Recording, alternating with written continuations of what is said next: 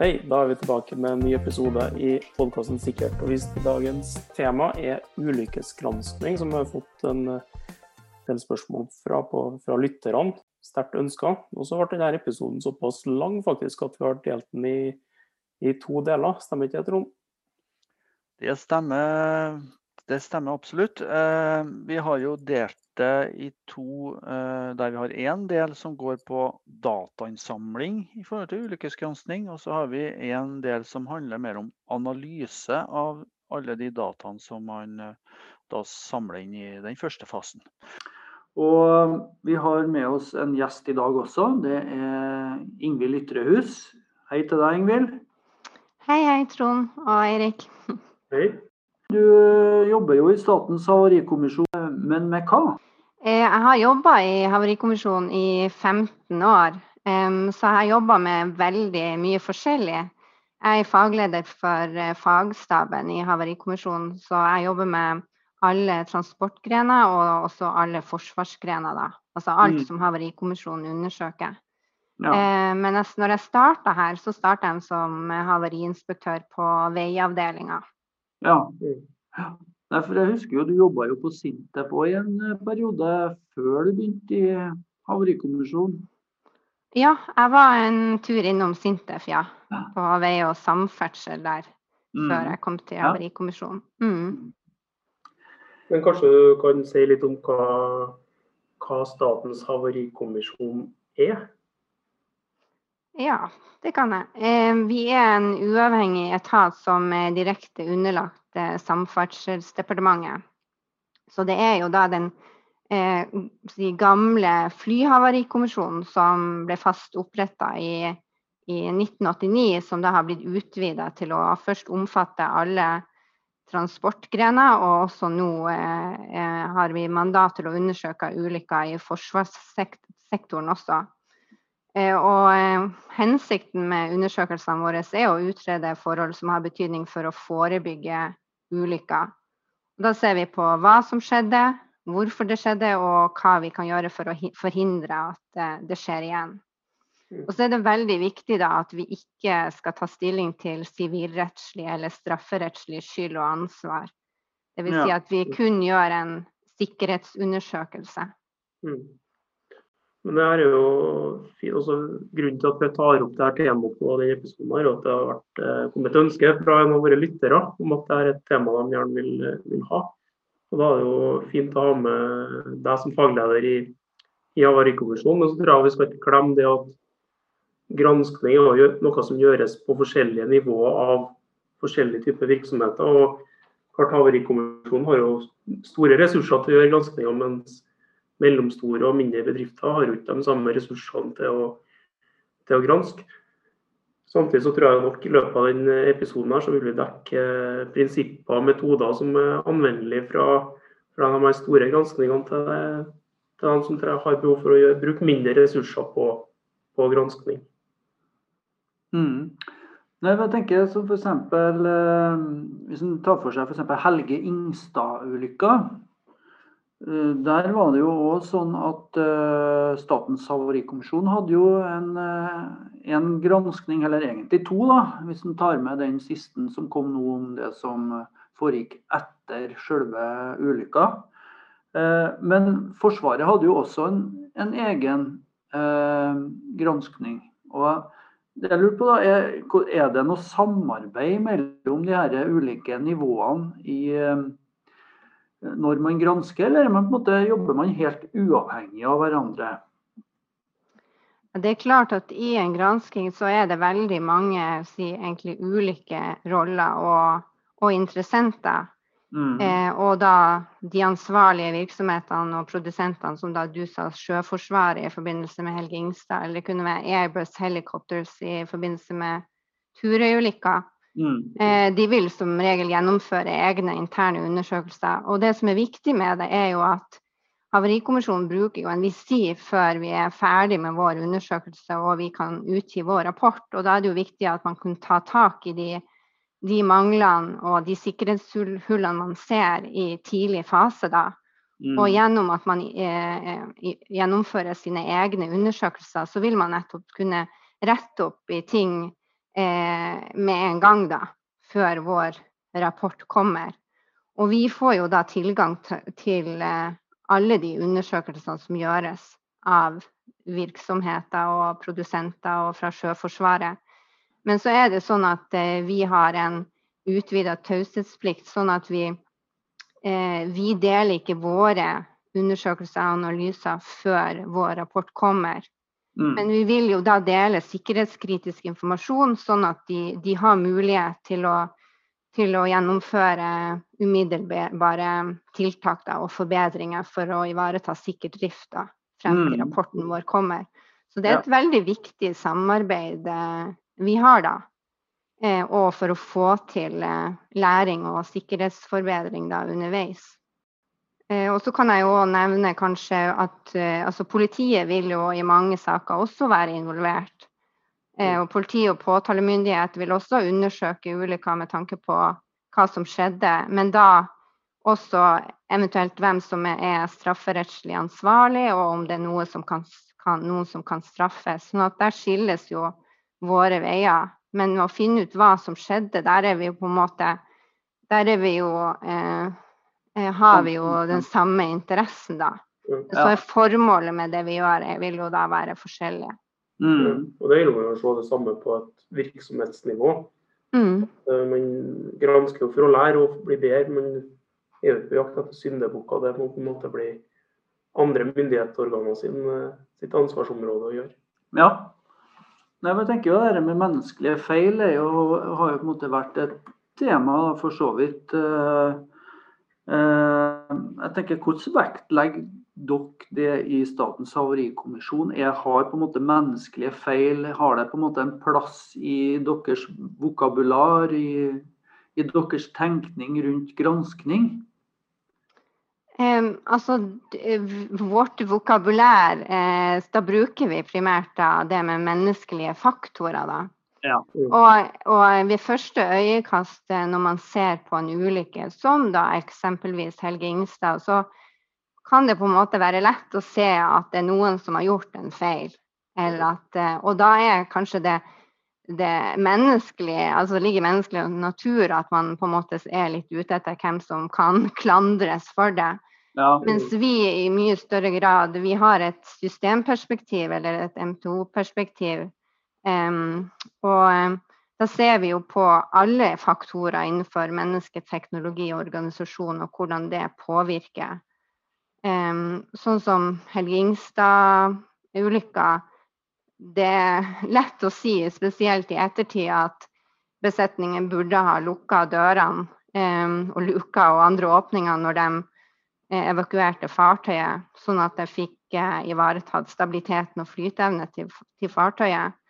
Men realiteten var jo at besetninga ikke hadde tilstrekkelig kompetanse, trening og øvelse i en sånn kompleks situasjon, og ikke god nok beslutningsstøtte til å gjennomføre det. Ja. Så det er jo et samspill her som vi i mye større grad ser på og løfter blikket da.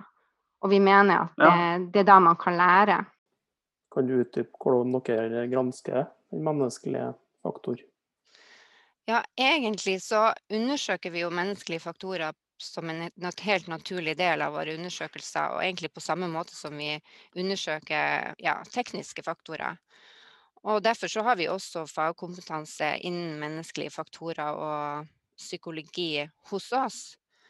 Og I tillegg så vil vi jo innhente relevant forskning, f.eks. For innen ja, situasjonsforståelse, sånn som vi gjorde på, på granskinga i forbindelse med Helge Ingstad.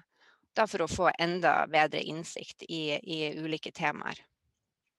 Nei, jeg ser jo I, I, litteraturen så skiller man jo mellom det nye og det gamle synet på menneskelig, menneskelige feil og menneskelig svikt. Ja. Mm.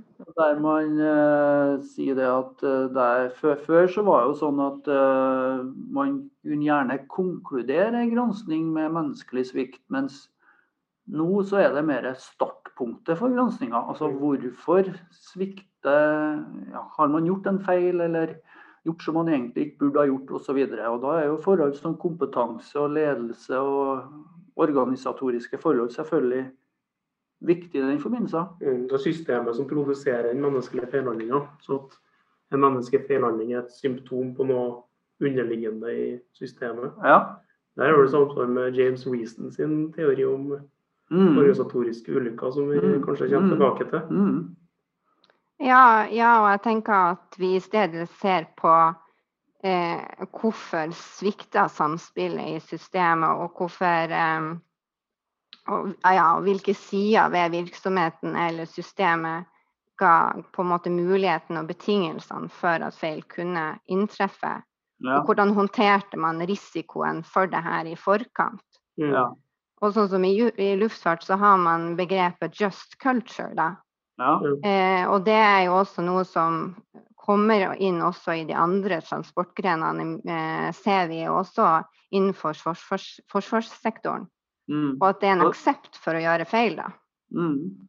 Mm. Ja, kan, kan du si litt mer hva, som, hva, hva dere legger i begrepet 'just culture'? Ja, altså det innebærer for det første en aksept for at det er menneskelig å gjøre feil, og at det Mm. er et mer effektivt sikkerhetsarbeid å, å lære av egne og andres feil enn å si, straffes for feil. Og det handler også om det at eh, man skal ikke straffes for noe man har gjort da, i samsvar med den treninga og opplæringa som Ja. man har fått, og, og de betingelsene man da har arbeida under. Ja. Mm. Så det er et, eh, et eh, Ja, det har en mer systemperspektiv, da.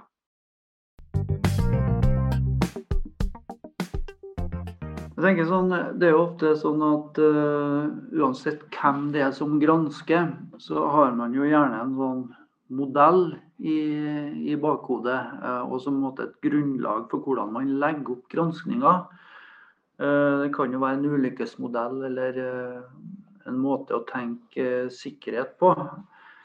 Eh, jeg vet ikke hvordan, eh, Når det gjelder Statens havarikommisjon, har, har dere en sånn egen type uh, ulykkesmodell eller en sånn teoretisk grunnlag for, uh, for de granskningene dere gjør? Eh, ja, vi har det. Vi har utvikla en Eller etablert en egen, et eget rammeverk, eller sikkerhetsfaglig rammeverk og metodikk, som da igjen baserer seg på mange av, av de her kjente ulykkesmodellene som er i sikkerhetsfaget, bl.a. Reason, som er nevnt, og Mm. Eh, også referanse til Sydney Dekker. Og vi har brukt veldig mye eh, også rammeverket til den australske havarikommisjonen. Og så har vi ja, forenkla det og tilpassa til vår virksomhet. Men Mm. vi kjenner da igjen egentlig alle de her ulykkesmodellene fra sikkerhetsfaget i måten vi jobber på. Mm. Men det er jo det her med å bygge en bro mellom det teoretiske og det praktiske, det vi faktisk gjør da Mm. og få til det på en god måte, sånn at det ikke bare blir en teoretisk eller akademisk beskrivelse. da. Så er det kanskje lettere å både få modellert årsakssammenhenger og, og lete etter de rette tingene når man har en modell som ligger i, ligger i grunnen. Ja, og så er det jo òg i stor grad en intern hjelp for oss for å strukturere eh, undersøkelsesarbeidet og hvordan vi jobber sammen i et granskingsteam. da. At vi forholder oss til de Ja. trinnene i prosessen da, og de begrepene som vi da har valgt å bruke i vår metodikk, sånn at vi snakker det samme språket. Mm. Ja. For Det er jo en likhet mellom den eh, modellen dere har og mange andre ulykkesmodeller, i den forstand at det, er et klart hierarki i eh, årsakssammenhenger. Dere har, vi kan kalle det direkteårsaker, kanskje det første årsaksnivået som dere kaller barriereanalyse og, og lokale sikkerhetsproblemer. Så er det hvorfor inntreffer dem? Jo, det er operative og tekniske faktorer som oppstår pga. forhold eh, faktorer relatert til organisasjon og ledelse. Og så har dere det siste nivået som er rammefaktorer. Mm. Det ligner jo på den metoden jeg er vant til å bruke og undervise om òg. Det er jo samme oppbygginga. Forskjellen er kanskje at vi tar ikke med rammefaktorer vi da, som i et virksomhetsperspektiv. Og det er kanskje jo naturlig at man stanser, eller det er vel en tommelfingerregel egentlig, at man stopper granskinga innenfor den grensa for det man kan gjøre noe med. Ja. Så for en, eh, for en virksomhet så vil det jo ikke være naturlig å begynne å peke på at uh, en tilsynsmyndighet ikke har gjort jobben sin. Da blir jeg på en måte litt utafor deres skopp. Mm. Ja, en virksomhet må se på det man sjøl har mulighet til å, å påvirke, da, og de sikkerhetsproblemene som man sjøl eier. Mens Mm. vi som en ekstern da, granskingsmyndighet, vi har muligheten til å løfte blikket og se på regelverket, eh, ja, tilsyn. Og andre si, rammebetingelser. Det kan være økonomi, og det kan være andre eh, forhold utenfor virksomheten da, som vil påvirke det, det her eh, årsaksbildet. Da. Mm. Mm. Og da er det sånn at den modellen dere har til bunn med det hierarkiske årsakssammenhengene det, det bestemmer jo de trinnene dere gjør i en gransking, er det sånn? Jo, det, det er jo de trinnene som vi følger i granskingsprosessen vår, som er, som er syv sånne hovedtrinn. Der Mm. trinn én til tre handler om det å etablere hendelsesforløp og finne ut hva som skjedde, og peke på hva som gikk galt i selve hendelsesforløpet. da. Mm. eh, og eventuelt barrierer som, som mangler eller har svikta. Og så er det da å heve blikket og, og gå gjennom denne nivåtilnærminga når det gjelder faktorer på ulike nivåer som kan ha medvirka. Som Mm. er da hvorfor det skjedde. Og så de, de to siste trinnene våre handler om hvordan sikkerheten kan forbedres. da, Og om vi bør fremme tilrådinger for å forhindre at det skjer igjen. Men før dere eh, kommer så langt som å begynne å kartlegge hendelsesforløp og årsaker, så er det vel en del andre ting som skal gjøres eh, med planlegging og, og datainnsamling. Så kan du fortelle litt om når alarmen går, da nærmest. Altså, nå, nå har det skjedd en hendelse. Hva, hvordan er det dere da eh, handler? Ja, vi har jo eh, et regelverk som, som sier noe om hvilke typer ulykker og hendelser som vi må undersøke. Mm. Og når vi da blir varsla om en ulykke, la oss ta da Helge Ingstad, som er helt klart at vi må eh, gå, gå inn i og undersøke, så eh, iverksetter vi egentlig um, utrykning så snart som mulig. Så det her skjedde jo på natta eh, eller 8. november i firetida, fire-fem-tida, og vi visste jo det her på morgenen. Sånn at vi, vi var på plass, på plass i Bergen på, på ettermiddagen da Mm. Eh, samme dag eh, med et egentlig veldig stort team. Og da setter vi i gang med å innhente så mye informasjon som mulig. Både teknisk informasjon og intervjuer og også dokumentasjon. Da. Men det viktigste er jo å samle inn de opplysninger som kan forsvinne. Altså, du, ja. Og spesielt da, hvis du har et uh, ulykkessted, så må vi sikre alle typer av spor og ja, vrakdeler og teknisk dokumentasjon som kan, eh, kan forsvinne hvis vi ikke er tidlig nok ute. Mm. De her eh, som drar ut og gransker, har de bagen pakka og klar til å reise på kort varsel? Eh, Fungerer det på den måten? Ja, de som har beredskapsvakt hos oss, har bagen klar. Og det har vi for så vidt alle tilgang her på lokalene våre på Lillestrøm. Så har vi en bag pakka og klar, sånn at vi kan reise på, på kort varsel. Mm. Eh, og vi har også beredskapsbiler, sånn at vi kan kjøre også på det som er i si, nærområdet til Oslo og Lillestrøm. Eh, så vi vil jo kunne være på, på et sted innen ganske kort tid, men i mange tilfeller så kan vi jo også vente til dagen etter, så lenge vi vet at, at spor og vrakdeler og det Mm. som, er, eh, det som er der, at det er sikra på en god måte. Mm. Så da, når det, gjaldt Helge Ingstad, så var det ikke et stort team, som du sa. Altså, går det an å si noe om sammensetninga av det teamet? For det forestiller meg kan være ganske sentralt. Da, at man måtte har eh, ja, en bred kompetanse sånn totalt sett. Ja, Det som var litt spesielt med Helge Ingstad, var jo at det var et sivilt fartøy og det var et, et skip fra, fra Sjøforsvaret. Og da den ulykka skjedde, så var det også en egen havarikommisjon, eh, Statens havarikommisjon for Forsvaret. Men nå har vi tatt over eh, det mandatet til Statens havarikommisjon for Forsvaret. Men da var vi to organisasjoner, Ja. så vi samarbeida da om å, om å reise ut. Mm. Eh, sånn at vi laga en avtale eh, mellom oss som gjorde at vi undersøkte det her sammen. Men et team vil jo bestå av både, altså, i, både operativt personell da, som, som har kjennskap til eh, Som vil være altså, sjøkapteiner, eh, det, og det vil være tek, mer teknisk personell som mer kjenner til Altså maskinister og de som kjenner til stabiliteten osv. på skip. Og så vil det være mer type team av folk som er mer prosjektledere eller ja, har andre fagområder. Da. Så det er viktig at teamet består av, av litt forskjellig type kompetanse. Ja. Mm. Også i internasjonale saker så vil vi måtte samarbeide med havarikommisjoner fra, fra andre land, eller, fra, eller, med representanter fra Airbus Helicopters osv. Så, videre. så ja. det er veldig avhengig fra sak til sak da, hvordan teamene våre ser ut. Ja, skjønner. Nei, det er jo kanskje et sånn viktig prinsipp. jeg tenker. Du kjenner jo til det her uttrykket 'what you look for is what you find, and what you find is what you fix'.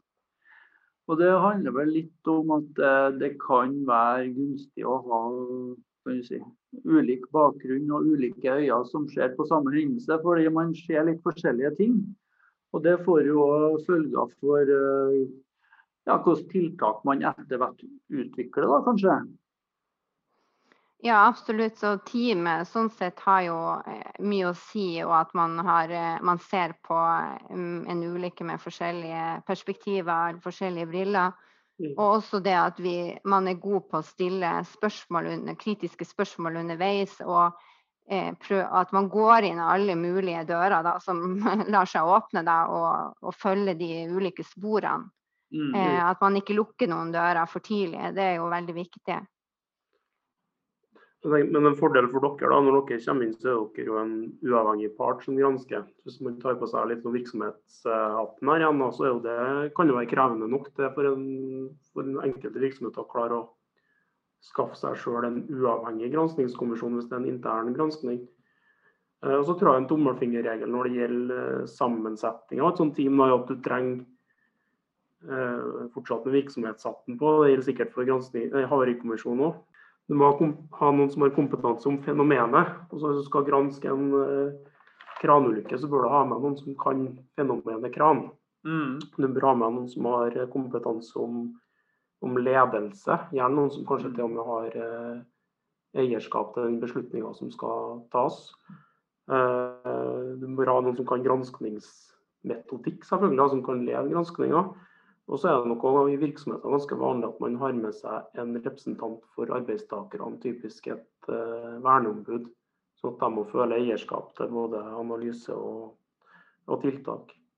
Men jeg tror i hvert fall det er liksom med uh, å ha noen som har den riktige kompetansen om det objektet som skal studeres, tror jeg har alt å si. og Det, ja. det blir kanskje bare viktigere og viktigere med teknologiutvikling og nye arbeidsformer. at man mm sikre seg at man har, har riktig kompetanse i, uh, teamet. I teamet. Mm. Ja, absolutt. Det, det, må man ha. Og eh, sånn som for vår del, hvis vi ser at det er noe innenfor det tekniske da, spesielt, som, ja. som er veldig spesifikt eh, og detaljert, sånn at vi kanskje har eh, mer overordna kunnskap, la oss si innen metallurgi, så vil vi jo da innhente eh, mm. den kompetansen utenfra. Mm. Eh, fra konsulenter. Sånn som i Turøy-ulykka så brukte vi et stort metallurgisk laboratorium i England for å hjelpe oss mm. i undersøkelsen. Så vil jeg understreke at eh, dersom vi gjennomfører en spesialundersøkelse der vi bruker ja, kompetanse eller spesialister utenfra, sånn som vi gjorde i Turøy-ulykka med innen meteorologi, eller det kan være innen stabilitet eller andre eh, forhold, så er det uansett vi som sitter med på en måte det totale bildet og den overordna kompetansen. Og da er det vi som også konkluderer basert på alle de samla undersøkelsene som, som, blir foretatt. Sånn som den spesialundersøkelsen blir da bare en liten bit av det store puslespillet som vi vurderer.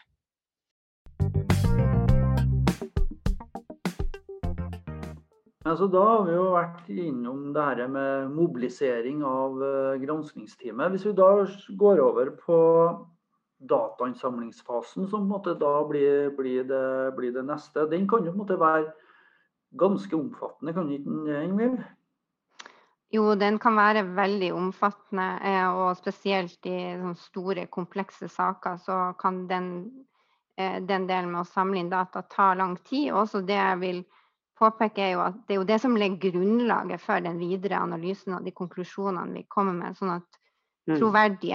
troverdigheten til hele granskinga avhenger jo at, vi, at datainnsamlinga er god, da. Vi kan ta Turøy-ulykka som eksempel. Den skjedde den 29. april 2016. og Da var det et helikopter på vei fra Gullfaks B-plattformen eh, i, i, Nordsjøen på vei til Flesland i Bergen, eh, som da mista helt plutselig og uten forvarsel rotoren. Eh, det som var bra for oss, var jo at det her ble filma. Sånn at vi visste helt klart at det var det som hadde skjedd. Helikopteret mista rotoren. Så vi måtte finne ut eh, hvorfor det skjedde da. Eh, og det her vraket var spredd over et veldig stort område, både på land, på forskjellige holmer, eh, og i, i, i, sjøen. Sånn at det var et stort havaristed som vi måtte gjennomsøke etter deler da, som kunne eh, ja, bidra til å forklare hva som skjedde hva som hadde skjedd. Eh, og vi fant en veldig viktig, eller flere viktige komponenter. Vi var veldig heldige der. Eh, etter ganske kort tid da, eh, så fant vi et tannhjul som hadde tegn til utmatting. Mm. Eh, og da var det å få gjennomført detaljerte tekniske metallurgiske undersøkelser av det spesifikke tannhjulet. Og mm. også det er den ene delen, den tekniske undersøkelsen på havaristedet. da, og videre tekniske undersøkelser av de ulike komponentene og delene.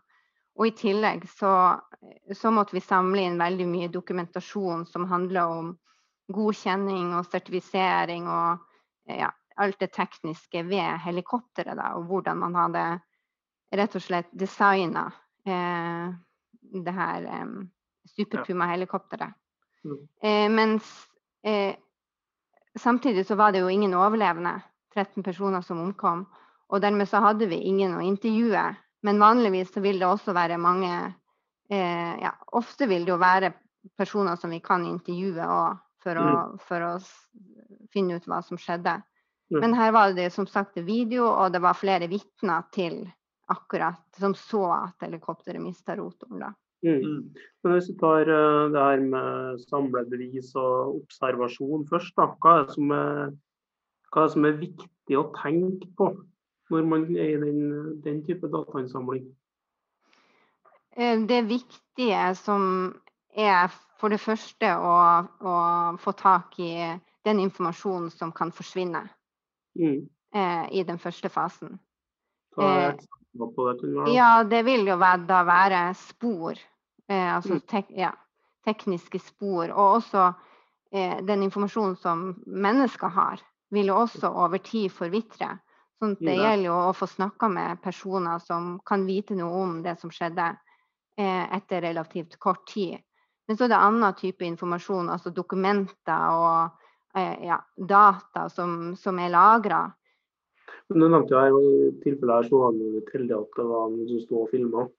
Men jeg vil jo tro alle typer sånn video- og bildetaking er svært viktig. Også den bildetakinga dere gjør på site der òg, er sikkert veldig viktig for å samle inn data for videre analyser.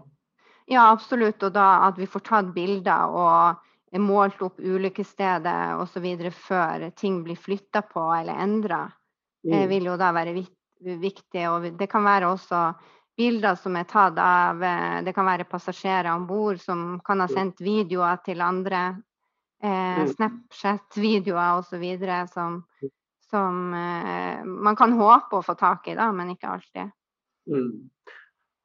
Det her tenker jeg er gode råd for eh, også personer som tenker granskninger i virksomheter. Det må være tidlig ut for å sikre, sikre bevis og ta bilder og samle inn teknisk data som man mm man kan få bruk for. Men her vil man kanskje stå litt sånn i konflikt, eller i hvert fall tvinge fram et samarbeid med andre myndighetsorganer. tenker blålysetater osv. vil vel også være interessert i å være på, på, plass samtidig som dere gjør.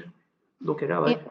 Ja, absolutt. Vi har jo et godt samarbeid med politiet, og vi har oppretta en samarbeidsavtale da, gjennom Riksadvokaten om hvordan vi skal dele informasjon og i mange tilfeller så vil vi gå på en måte side om side på et ulykkessted og mm. og, og, samle inn informasjon og data og spor. Mm. Og også dele akkurat de faktiske opplysningene fra et ulykkessted. Men etter det så er det sånn at vi, vi har tilgang til alt politiet mm. gjør fremover, mens de har da ikke tilgang til de analysene som vi gjør. Mm. Nei, altså, eh, En type informasjon dere samler inn, er jo eh, rett og slett det å snakke med folk. Eh, øyenvitner og de som eventuelt har vært med i, i hendelsen. Og Du var jo inne på at dette her kan være en måte, ferskvare. da, ikke sant? At, man, at Hukommelsen til folk blir jo påvirka av så mangt, og, og, det er viktig å, måtte, å komme tidlig inn, kanskje. Men kunne du sagt litt om hvordan dere jobber med intervju og det å måtte, samle informasjon fra vitner osv.? Eh, ja. Eh, ja, som sagt er det et poeng å være så tidlig ute som mulig. Men selvfølgelig må vi jo ta eh, hensyn til, eh, til, menneskene som er involvert, og som har opplevd noe som kan være ekstremt eh, tragisk. Mm. Men samtidig være bevisst på at vi må gjøre vår jobb, da, som er å samle inn informasjon. Og da bruker vi prinsippene etter noe som kalles det kognitive intervju. Eh, og det går jo ut på at vi stiller mest mulig åpne spørsmål, og at det er vitnet eller den intervjuede da, som, som forklarer og, og snakker, snakker, mest hele veien, sånn at mm. ikke vi eh, påvirke på et vis det som, det som, blir sagt. Som vi stiller åpne spørsmål og, mm. og, og legger legg opp til at eh, den intervjuede kan forklare og fortelle fritt om det som skjedde. Mm. Eh, det, det, er veldig, veldig viktig. Og så er det viktig at vi får oppretta god tillit da, til, mm. til vedkommende og forklare vår rolle og vårt mandat, og at vi ikke er involvert i det eh, i skyldspørsmålet at vi, det er kun sikkerheten vi da er interessert i, osv. Så mm. Sånn at vi har en åpenhet eh, rundt det, da. Mm. mm. Skape en just culture, som du snakka om i sted. Absolutt. Det ligner jo litt på et forskningsintervju. altså Noen av de samme prinsippene. det At man ikke skal stille ledende spørsmål. Og, og at uh, informanter, som eh, man kaller gjerne i den sammenhengen, da får snakke åpent og fritt uten påvirkning fra den som, eh, som intervjuer. Mm. Nei, jeg kan si at eh, Forskninga viser jo at et sånn type intervju som er som et kognitivt intervju, at det, det, vil ta litt lengre tid, og, og man må jo ha, eh, planlegge det på en god måte, men samtidig at man får frem bedre og mer pålitelig informasjon. da fra mm. den som blir intervjua. Ja. Og altså at man gjennom det får en god, god tone. Uh, ja, og det er jo viktig for tilliten til granskinga, da. Eller ja. undersøkelsen. Mm. Men jeg vil jo tro at dere du sier med Just Culture, det her med å skape tillit og og få folk til å dele åpent. Men jeg vil jo tro at dere treffer på en del forskjellige personligheter når dere gjør de her intervjuene. Både folk som er sinte og lei seg, og, og kan være andre ting òg. Hvordan uh, håndterer man den type situasjon? Det handler jo på den ene sida å, å, prøve å, å, ha et profesjonelt forhold til det og den jobben vi skal gjøre, men samtidig da en ydmyk, ydmykhet for det de har vært igjennom, da, eller går igjennom. Mm. Eh, så å ha den balansen er jo viktig, og at vi, vi gjennomfører det da, i tråd med våre prosedyrer og våre prosesser. Mm. Og at vi, altså, vi, vi også er bevisst på at eh, eh, altså hvis det er involverte, så at de skal også få litt informasjon fra oss underveis. Og de får også muligheten til å, å kommentere og lese rapportutkastet før vi da publiserer rapporten, sånn at vi får korrigert eventuelt feil og mangler. Mm.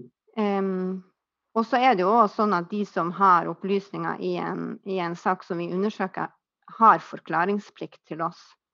Ja. Um, og det har man jo ikke på samme måte for politiet. Ja. Men da er jo vi da igjen bevisst på å forklare at det her er noe som skal bidra til å redde liv. Eh, og forbedre sikkerheten. Hvor mye forberedelse har dere før intervjuet? Altså, Trond nevner jo forskningsintervju. Da stiller vi jo med en eh, intervjuguide. Er det noe dere bruker òg? Eh, ja da, vi gjør jo det. Men det er jo klart at i noen tilfeller så må vi ta et intervju eh, relativt fort og på sparket. Eh, altså, når Helge Ingstad eh, skjedde på, på, på, natta den 8. november, så var vi på plass i Bergen på kvelden. Og neste dag måtte vi i gang med intervjuer.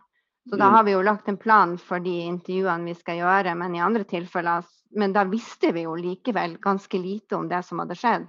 Ja. Um, så det blir, det blir, annerledes enn, en, enn, et intervju som kanskje der det har gått mer tid, og vi vet mer om det som, det som har skjedd. Ja, så i noen mm. må dere rett og slett improvisere en del? Ja, men da har vi jo da noen faste rammer, et rammeverk og en prosess som vi forholder oss til. Så dermed gjør det at vi har noen retningslinjer som, mm. sånn at vi kan gjennomføre det på en god måte likevel. Mm. Men det betyr òg at dere har trening i å utføre uh, intervjuer? Ja, det er jo viktig at du sa. Det har vi og Vi, har, vi trener jo jevnlig på det. Eh, mm. på kurs både andre steder, men også internt her hos oss. Og vi har også en åpenhet eh, her også, sånn at vi kan gi hverandre tilbakemeldinger mm. eh, på intervjuer. Ja, Når det gjelder dette med trening, eh, nå er det vel sånn at det varierer vel litt og størrelsen på, på, de ulykkene og dermed også granskningene dere gjennomfører. Nå har vi jo snakka litt om de litt store, men er, det, det varierer kanskje litt? Rann? Ja, det varierer jo egentlig veldig mye. Eh, og det brede mandatet vårt gjør jo at vi undersøker mesteparten av tida mange mindre alvorlige hendelser og ulykker. Ja, det kan være arbeidsulykker til sjøs, det kan være visse typer trafikkulykker, det kan være ulykker med mikrofly. Og det gjør jo at vi får veldig viktig mengdetrening og innsikt eh, som vi da senere bruker når vi skal undersøke de her store sakene, sånn som Helge Ingstad og Turøy-ulykka. Så det er jo på en måte viktig element i at vi er en havarikommisjon som er med faste ansatte som jobber kontinuerlig, at vi får veldig mye trening eh, gjennom alt det vi gjør. Mm. Det er mange som ikke har de samme ressursene som det Havarikommisjonen har for å gjøre granskninger og datainnsamling. Eh, hvilke råd kan du gi til, til, den type virksomheter når de skal gjøre intervjuer for, i, i granskningene sine? Ja, Det første er jo å eh, ha en god forberedelse eh, hvis man har tid til det.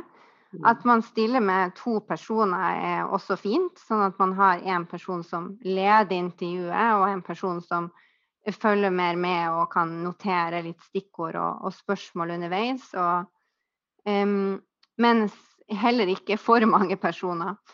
Og så er det jo det med, som jeg nevnte, med å stille åpne spørsmål. Mm. Og, og, og som innbyr til at vedkommende kan snakke fritt, gi en fri forklaring på det som, på det som har skjedd.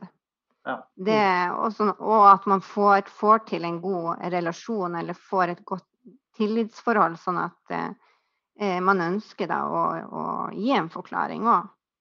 Ja. Mm. Gjennom at man forklarer hva som er formålet med, med undersøkelsen. Nei, Gode råd der, det handler jo i et forskerspråk så handler det om validitet. Så, eh, og Det er vel egentlig det samme vi snakker om, at man eh, måtte skal få gode data og gode opplysninger om, om, om det som har skjedd. Mm. Jeg tenker altså, Du snakka om Turøy-ulykka her innledningsvis. og Jeg husker jo på bildene der fra, i media der man eh, heiser opp vrakrester med tang og tare fra dypet. og Det er folk som får lete på alle holmer rundt, og at man til slutt setter sammen prøver i hvert fall å sette sammen de delene i det puslespillet er, da, til å få en helhetsbilde i det. Um, og Der må det være kjempeomfattende omfattende arbeid. og Jeg går ut ifra at det var arbeid som foregikk over ganske lang tid òg. Eh, hvordan eh, Det her er jo heller ikke noe en virksomhet kan gjøre på samme måten. Så liksom, råd, har, du, har du noe råd i forhold til, til teknisk analyse av mulige årsaker? Tenker du da på eh, altså, hvordan en virksomhet skal gjøre det? Så er jo det at du eh, det du faktisk nevnte, at man må ha eh, kunnskap om eh, det fenomenet som man undersøker. da. Ja. Og dersom man ikke har den kunnskapen, så må man jo søke å innhente det på et Mm. vis. Eller Ja. få hjelp av noen som kan, som kan bidra. Mm. Og så er det jo at man, eh, at man må eh, følge alle greinene eller dører, som jeg sa, og ikke lukke noen. Greiner for tidlig, sånn at man har et åpent blikk på hva som kan ha skjedd, og, og, og være nysgjerrig. Stille Mm. spørsmålet hvorfor, egentlig, gjentagende ganger. Eh, og for en virksomhet, da, at man må jo òg være eh, si beredt til å, til å se på seg sjøl, da. Mm. Eh, og, og de forutsetningene og, og rammene og de systemene som man har da, for å kunne lære. Men ikke, på tanke, ikke, ikke for, da, for å finne feil, men å se på ok, hvordan kan vi faktisk forbedre dette her. Mm. Ja. Ja, da har vi vært gjennom eh, en god del om datainnsamling i ulykkesgranskinga. Eh, Så vi runder av del én her. Og så er vi tilbake da eh, neste uke med en del to. Da altså om analyser og tilrådinger og læring som eh, tematikk. Takk for oss, og ikke for å nåles.